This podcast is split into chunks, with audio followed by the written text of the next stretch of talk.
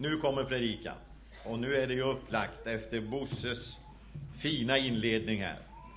Då är det ju som upplagt att tala om Guds hand. Guds hand. Jag höll för några veckor sedan ett bibelstudium uppe på plan 3 i kapellet. Jag skulle hålla det över en text i Apostlagärningarna och upptäcker eh, som i ett nytt ljus en rad i den texten där det står Herrens hand var med dem. Står det. Och jag börjar ju grunda en del. Vad, vad innebar det? Det var i samband med att evangeliet hade kommit till Antiochia. Evangeliet, äh, apostlarna började röra sig från Jerusalem och ut i världen, precis som Jesus hade sagt i sin missionsbefallning.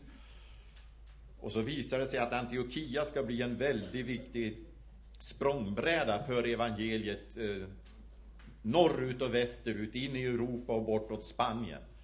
Och, och, så finns det beskrivet vilka som kom till Antiochia och hur det började etableras en församling där och vad resultatet var. Och sen kommer det här uttrycket, Apostlagärningarna 11 och 21. Och Herrens hand var med dem.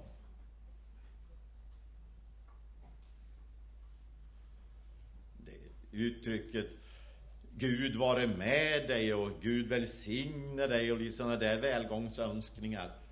Det är vi ju väldigt vana vid. Men det var som att det blev en extra eh, konkretion i det där. När det står i den här texten. Herrens hand var med dem. Vad betyder det?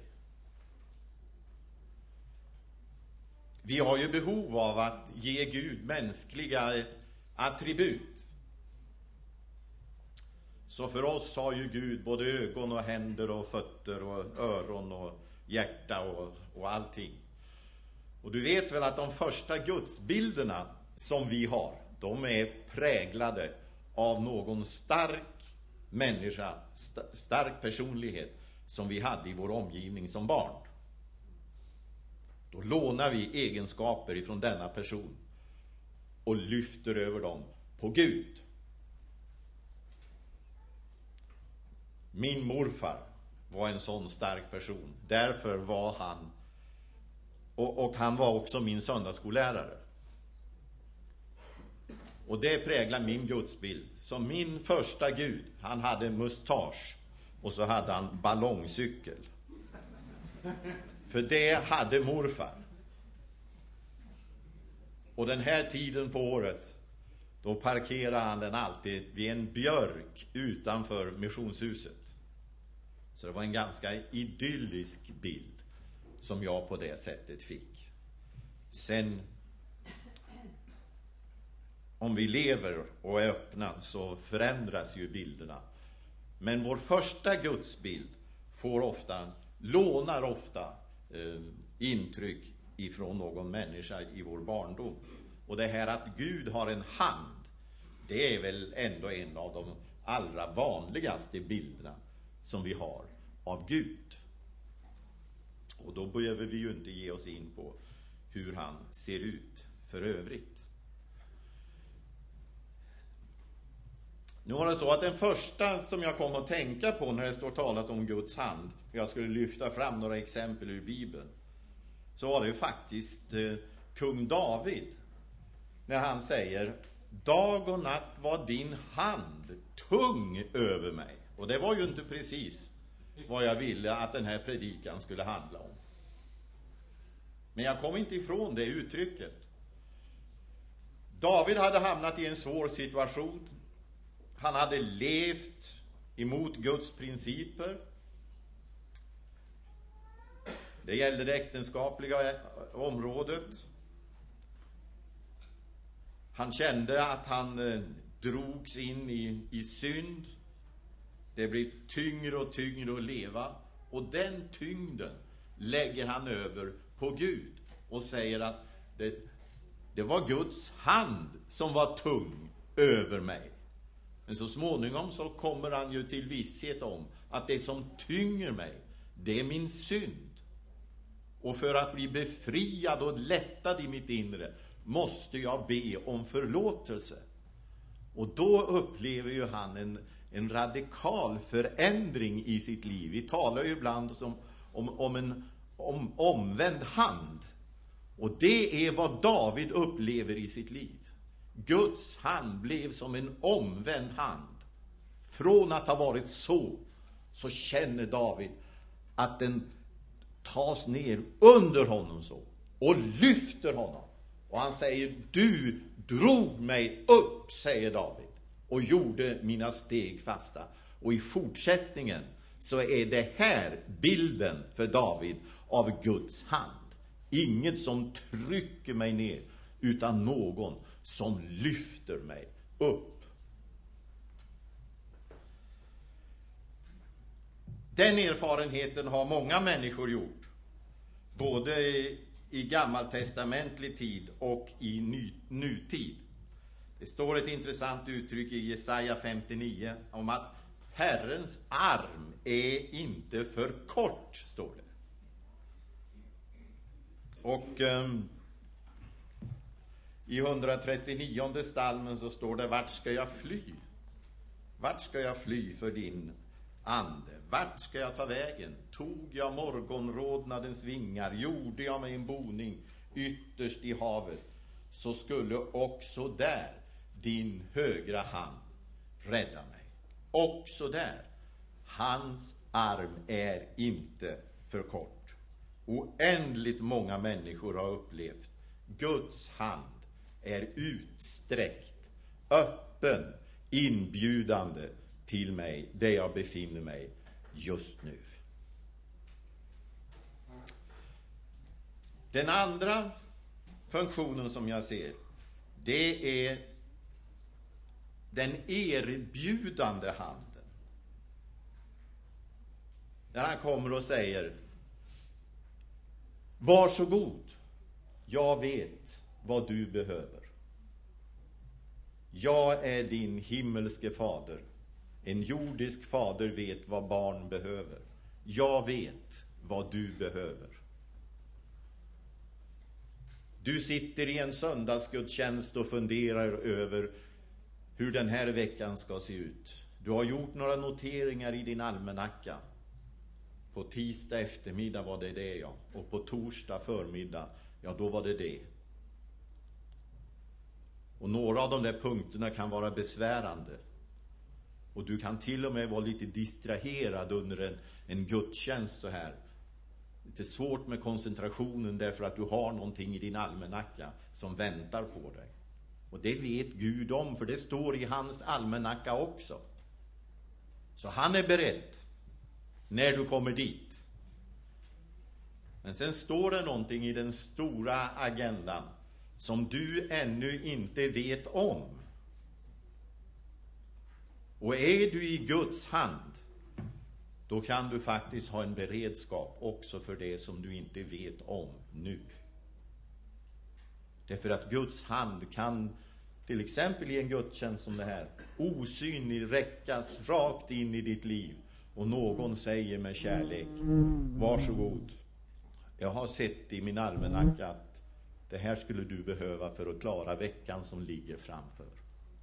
Varsågod, den utsträckta, generösa, erbjudande handen. Den märkte de av i Antiochia. Den nystartade församlingen, de fick vad de behövde dag efter dag. De fick de andliga ledare som de behövde. När Barnabas inte klarade längre, då räckte Gud ut sin hand och pekade på Paulus och sa han ska också hit. Och så fick de en medhjälpare till. I en annan situation när de inte visste hur de skulle handla, då gav Gud dem en profet ifrån Jerusalem som profeterade över deras situation. De fick pengar så de behövde för att bedriva verksamheten. Och när det blev nöd nere i Jerusalem, då upptäckte de, vi har till och med så pass överskott så vi kan skicka till våra bröder och systrar nere i Jerusalem. Det var Guds generösa hand som välsignar dem. När de behövde mänskliga resurser, ekonomiska möjligheter. Och det jag tror också ligger laddat i det här uttrycket i Antiochia, det var att de märkte att Herrens hand rör vid de sjuka. De blir friska. Det är inte vi som kan göra det med våra knep och våra händer. Det är Herrens hand som också erbjuder oss hälsa. En sak till. Vi kan ju inte komma ifrån Jeremia 18 där det står om krukmakarens hand som representerar det stora tålamodet. Orden som säger att när han misslyckades började han om igen och gjorde därav ett annat kärl. Det är den formande handen. Drejskivan, leret. Nu ska jag berätta lite kyrkohistoria för er. Jag ser ju att det är en så kolossal låg medelålder här, så jag, jag måste berätta lite kyrkohistoria för er.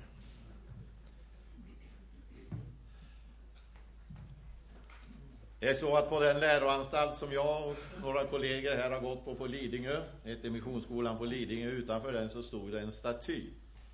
Ja, det var egentligen, och är, en, en byst av, av ehm, den man som hade en mycket avgörande roll i när Svenska Missionsförbundet skulle bildas 1878. Det har som i andra studentsammanhang gjorts en del hyss omkring denna, denna byst där ute. Jag ska inte berätta om det. Ni har ju intryck av att vi som har varit studenter på missionsskolor, vi är ju så fromma och snälla. Så vi kan ju inte göra något hyss. Jag ska inte ta den illusionen ifrån er. Men jag ska berätta om eh, hur, hur det kunde gått till när den, här, när den här skulle göras. Då sätter sig, han heter Paul Peter Waldenström, lektor. Han sätter sig i ateljén framför en konstnär. Eh, det här ska ju göras i brons, men först, först måste det göras i lera. Och nu sitter han där i ateljén. Och konstnären ska försöka få till de karaktäristiska anletsdragen, håret, hållningen och alltihop det här. Han jobbar på där, blöter leran, formar och på grejer. Till slut så blir Waldenström otålig. Han har ju mycket han ska göra och tycker han och slösa alldeles för mycket tid att sitta modell i en ateljé. Till slut så säger han till konstnären, måste ni ha så mycket vatten på mig? Säger Waldenström. Och då svarar konstnären, ja, jag är så rädd att Waldenström ska stilna.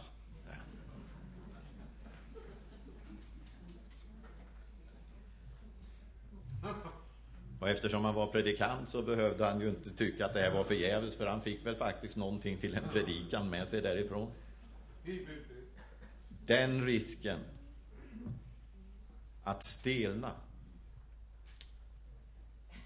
den har vilat över alla så kallade Waldenströmmare. De kallades ju det, de som blev missionsförbundare. Den risken har vilat över alla Waldenströmmare och Levi Petrianer och alla ur vår kyrkohistoria. Den risken löper du och jag. Att det, det liksom blir färdigt för tidigt. Att vi inte längre formas men då ska jag berätta för er själva knorren på den här historien. Och det var att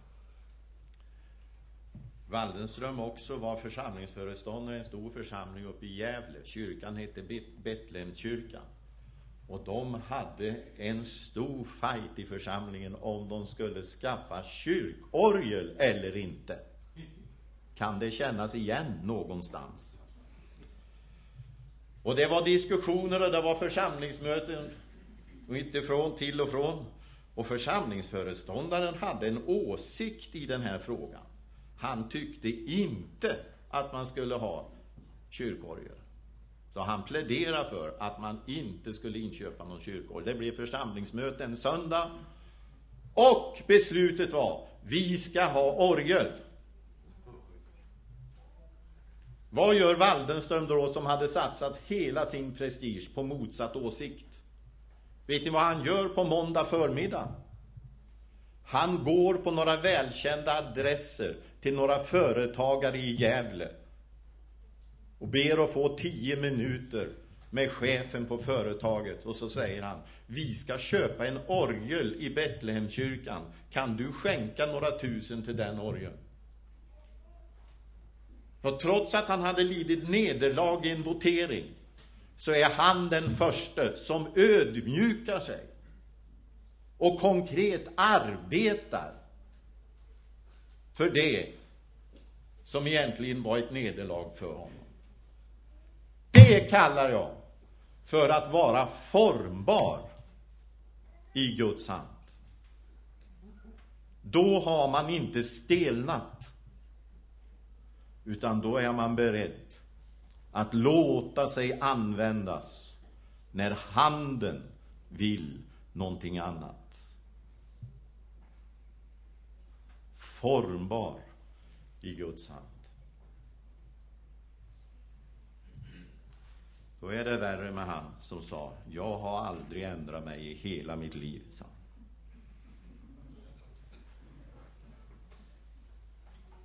Det är inget som man stoltserar med. Att aldrig ändra sig. Hur ska Gud kunna göra någonting med oss? Nu är det en, en hand bakom vilken det finns en vilja en kärlek som frågar oss idag. Vill du vara i min hand när jag vill fortsätta forma ditt liv, forma det sammanhang i vilket du står? Den handen är utsträckt till oss. Och till dig som tycker det flämtar i lågan så kupar sig den handen över den tynande veken för att skydda dig emot vinddraget som hotar att blåsa ut trons låga. Och du får lä bakom den handen. Och lågan livas upp igen. Det brinner. Herre, tack att du har sträckt ut dina händer. Att du når fram ända till oss när vi firar gudstjänst här idag. Nu söker vi dig. Nu ber vi att du ska visa oss vad det är vi behöver, vad det är du vill ge oss. Tack för din generositet. Var med oss när vi ska avsluta den här gudstjänsten i Jesu namn. Amen.